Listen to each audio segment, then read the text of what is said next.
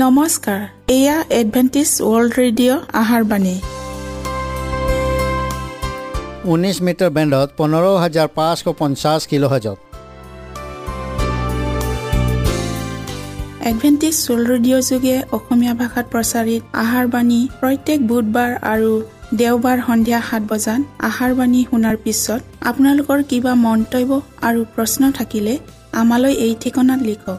আমাৰ ঠিকনাটি হৈছে Adventist world radio' seven day Adventist মণ্ডলী অসম শাখা লতাকাটা বশিষ্ট গুৱাহাটী সাত আঠ এক শূন্য দুই ন।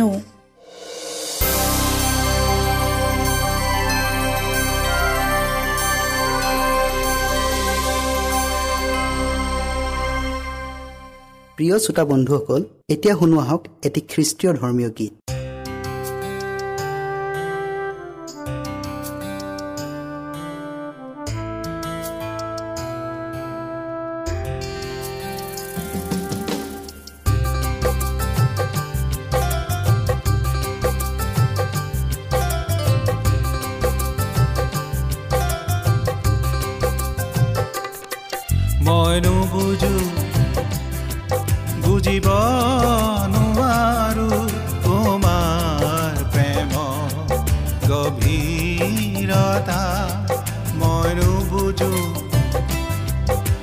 বুজিব নোৱাৰো তোমাৰ প্ৰেম গভীৰতা মাথো মই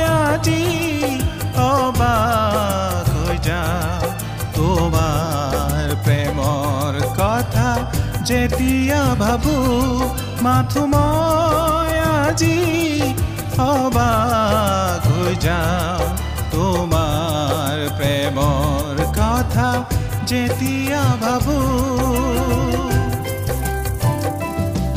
মই নুবুজো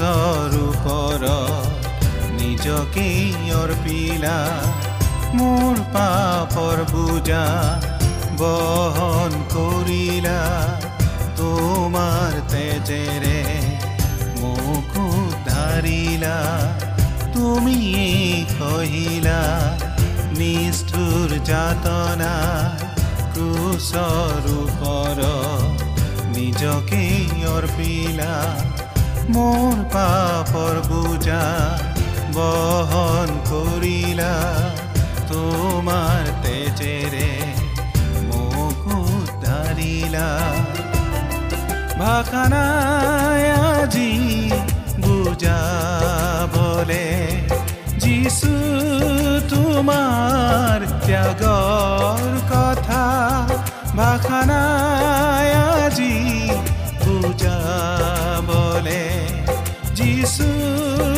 তোমাৰ ত্যাগৰ কথা মই নুবুজো বুজিব নোৱাৰো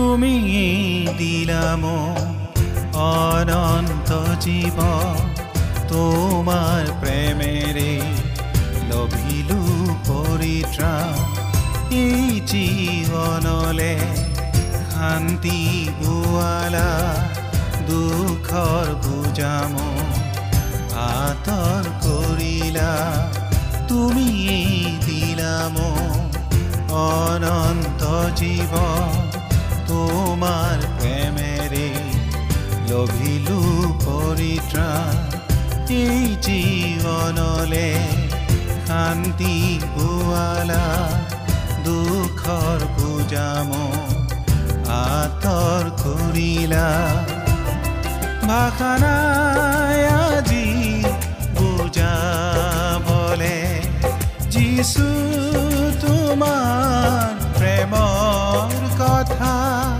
ভাষা নাই আজি বুজাবলে যিছু তোমাৰ প্ৰেমৰ কথা মইনো বুজো বুজিব নোৱাৰো তোমাৰ প্ৰেম গভীৰতা মইনো বুজো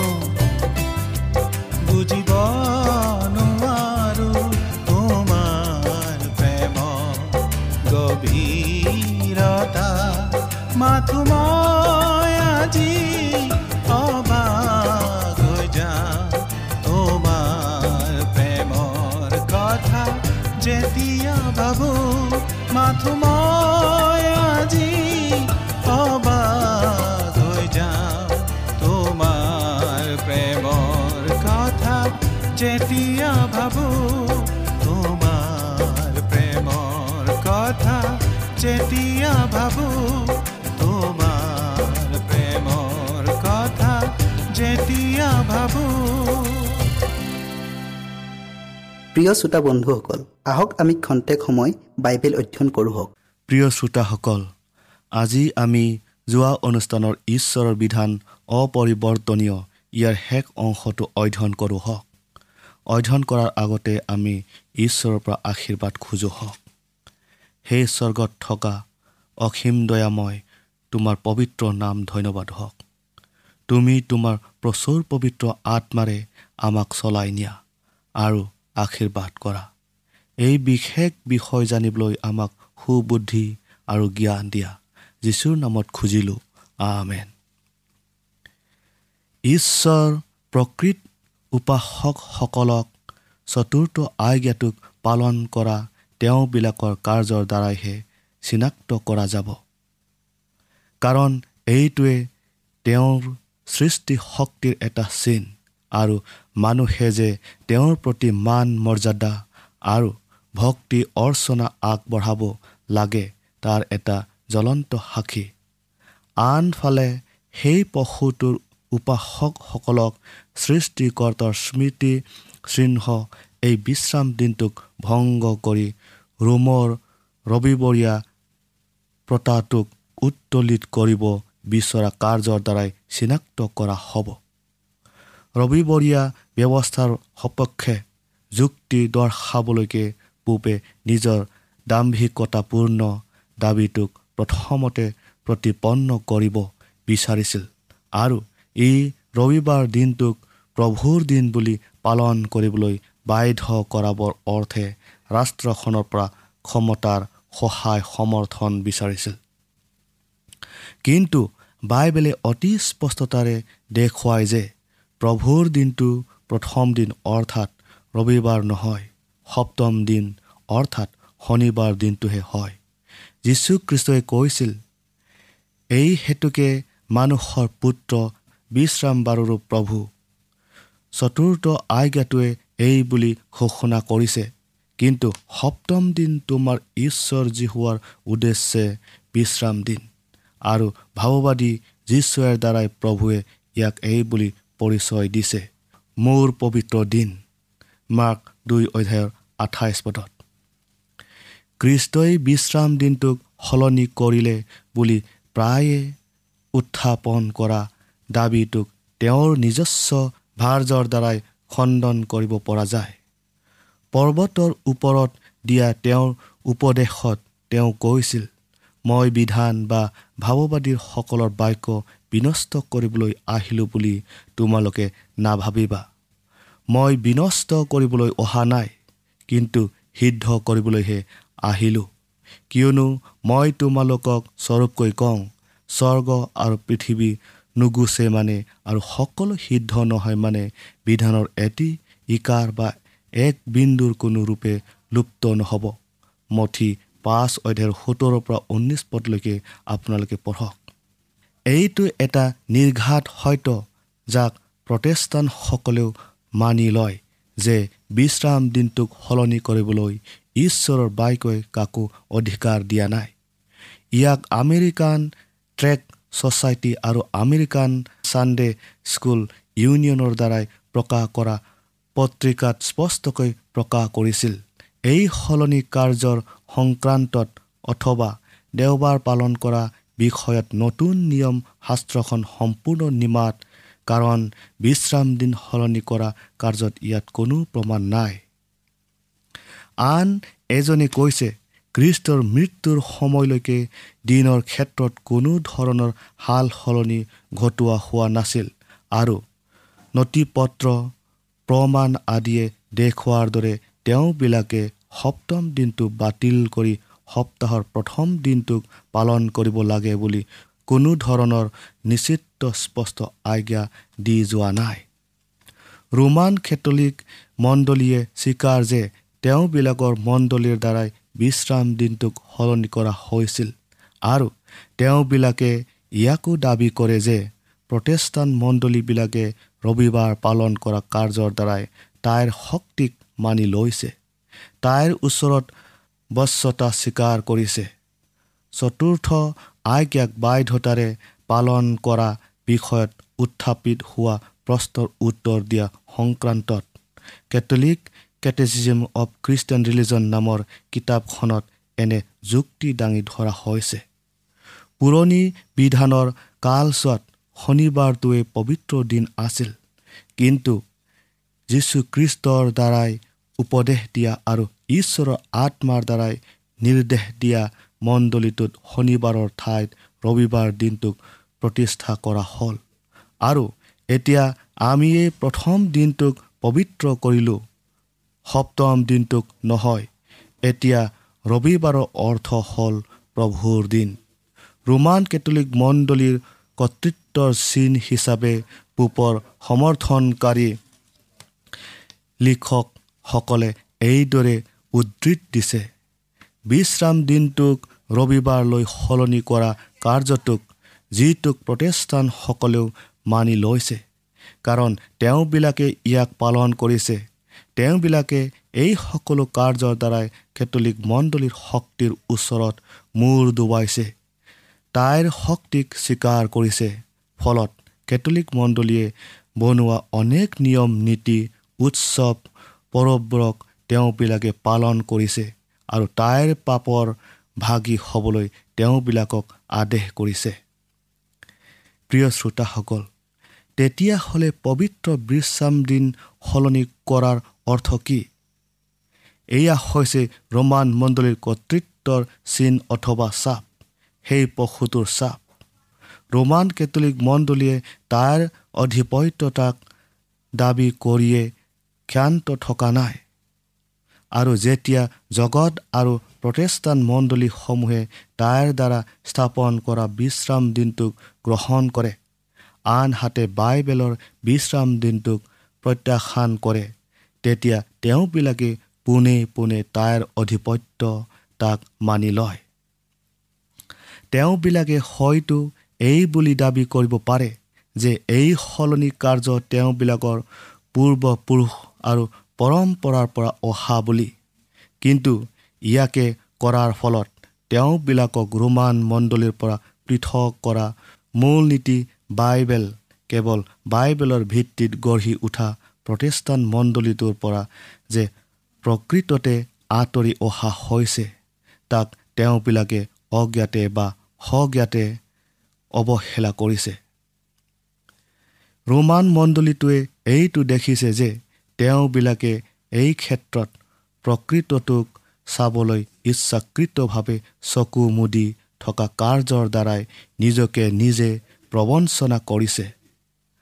ৰবিবাৰ পালন কৰা ব্যৱস্থা বলপূৰ্বকভাৱে প্ৰচলন কৰা অভিযানটোৱে জনপ্ৰিয়তা লাভ কৰাৰ লগে লগে সি উল্লাসিত হৈ পৰিব আৰু এটা নিশ্চিত ধাৰণা তাৰ মনত উপজিব।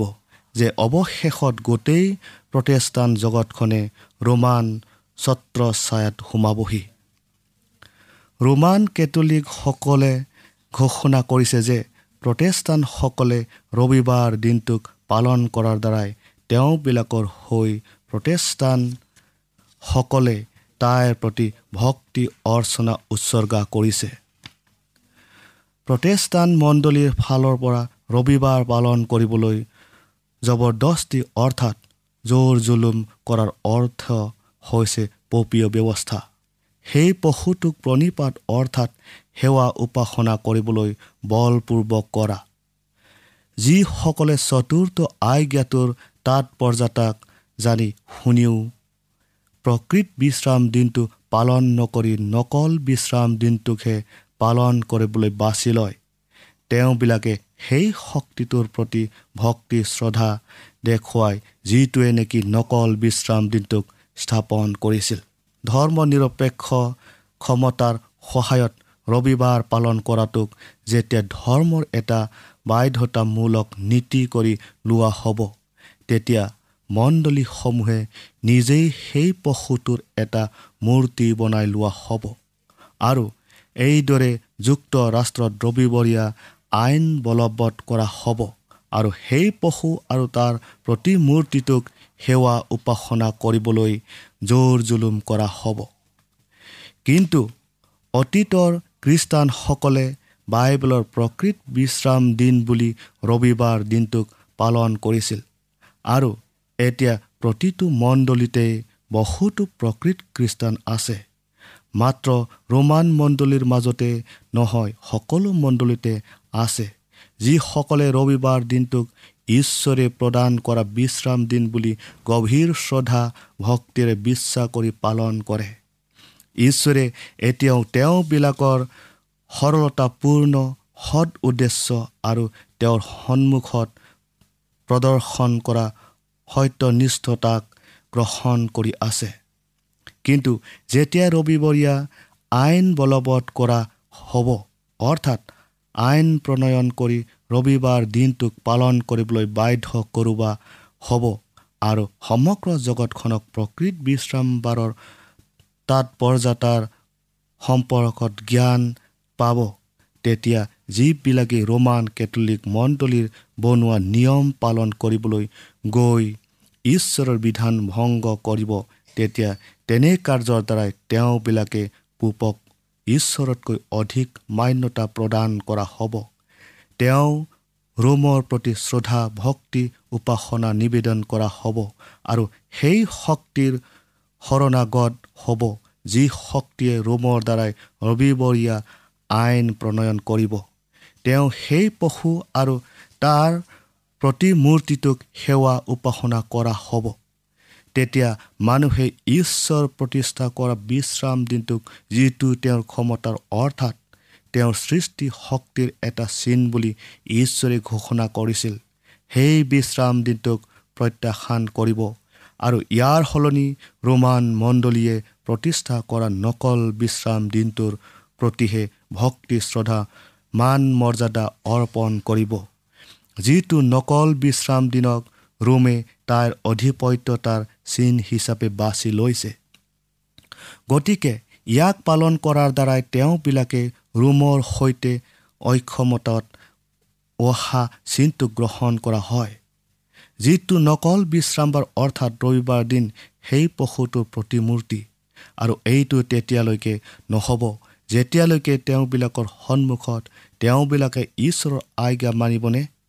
মানুহে বনোৱা নিয়ম পালন কৰিব তাক বাছি ল'বলৈ সোণালী সুযোগ দিয়া নহ'ব।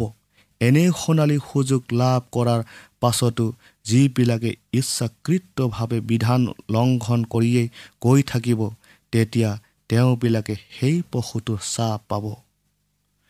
প্ৰিয় শ্ৰোতাসকল মৰণশীল মানৱ জাতিৰ উদ্দেশ্য প্ৰেৰণ কৰা আটাইতকৈ ভয়ংকৰ সতৰ্কটো তৃতীয় স্বৰ্গদূতৰ বাণীৰ দিয়া হৈছে। সেইটো নিশ্চয় এটা অতি ভয়ংকৰ পাপ হ'ব লাগিব। যিটো পাপে নেকি ঈশ্বৰৰ কৰোণাবিহীন কোপত মাতি আনে। এই অতি প্ৰয়োজনীয় বিষয়টোৰ বিষয়ে মানুহক নজনোৱাকৈ থকা নহ'ব। তেওঁবিলাকক অন্ধকাৰত ৰখা নহ'ব। এই ভয়ংকৰ পাপটোৰ বিষয়ে ঈশ্বৰৰ সোধ বিচাৰ অহাৰ পূৰ্বেই জগতক জনোৱা হ'ব। যাতে সকলোৱে জানিব পাৰে কিয় তেওঁবিলাকে যাতনা দুখ কষ্ট পাব লাগিব আৰু তাৰ পৰা ৰক্ষা পাবলৈ যেন সুবিধা পাব পাৰে। ভাৱবাণীয়ে ঘোষণা কৰিছে যে প্ৰথম স্বৰ্গদূতজনে নিজৰ লগত থকা জাননীটোক সকলো জাতি আৰু ভাষা সম্প্ৰদায় ফেইদ আদিৰ মানুহবিলাকৰ মাজত প্ৰচাৰ কৰিব। তৃতীয় স্বৰ্গদূৰৰ সতৰ্কবাণীটো যিটো সেই একে তিনিকলপীয়া বাণীটোৰ এটা অংশ সেইটো বিস্তৃতভাৱে প্ৰচাৰিত হ'ব। ইয়াৰ বিস্তৃত প্ৰচাৰ কাৰ্যক ভাৱবাণীৰ আকাশৰ মাজৰ উৰি ফুৰা স্বৰ্গদূত এজনৰ দ্বাৰাই বৰ মাতেৰে ঘোষণা কৰাৰ উপমাৰে প্ৰকাশ কৰা হৈছে আৰু ই গোটেই জগতখনকে আকৰ্ষিত কৰিব। এই প্ৰতিযোগিতাত সমগ্ৰ খ্ৰীষ্টান জগতখন দুটা প্ৰকাণ্ড দলৰ বিভক্ত হ'ব। এটা দলে ঈশ্বৰৰ আজ্ঞা পালন কৰিব আৰু যীশুৰ বিশ্বাস পালন কৰিব আৰু আনটো দলে সেই পশুটোক আৰু তাৰ প্ৰতিমূৰ্তিটোক সেৱা উপাসনা কৰিব আৰু তাৰ চাপ পাব। সৰু কি ডাঙৰ ধনী কি দুখীয়া স্বাধীন কি পৰধীন সকলোকে সেই পশুটোৰ চাপ দিয়াবলৈ বা ল'বলৈ বাধ্য কৰিবলৈ যদিও মণ্ডলী আৰু ৰাষ্ট্ৰ দুয়ো একেলগে মিলি শক্তি প্ৰয়োগ কৰিব তথাপিতো ঈশ্বৰৰ লোকবিলাকে তাক নাপাব। তেওঁবিলাকে ঈশ্বৰৰ দাহ মৌচিৰ গীত আৰু সেই মেৰ পোৱালীৰ গীত গান কৰি ক'লে সেই সৰ্বশক্তিমান প্ৰভু পৰমেশ্বৰ তোমাৰ কৰ্ম মহৎ আৰু আচৰিত। সেই চিৰস্থায়ী ৰজা তোমাৰ পদ ন্যায় আৰু সত্য। প্ৰিয় শ্ৰোতাসকল আজি আমি এইটোৰ বিষয়ে ইয়াতে সামৰিলোঁ। আশা কৰোঁ আপোনালোকক পৰৱৰ্তী অনুষ্ঠানত আকৌ লগ পাম বুলি ঈশ্বৰে আপোনালোকক আশীৰ্বাদ কৰক।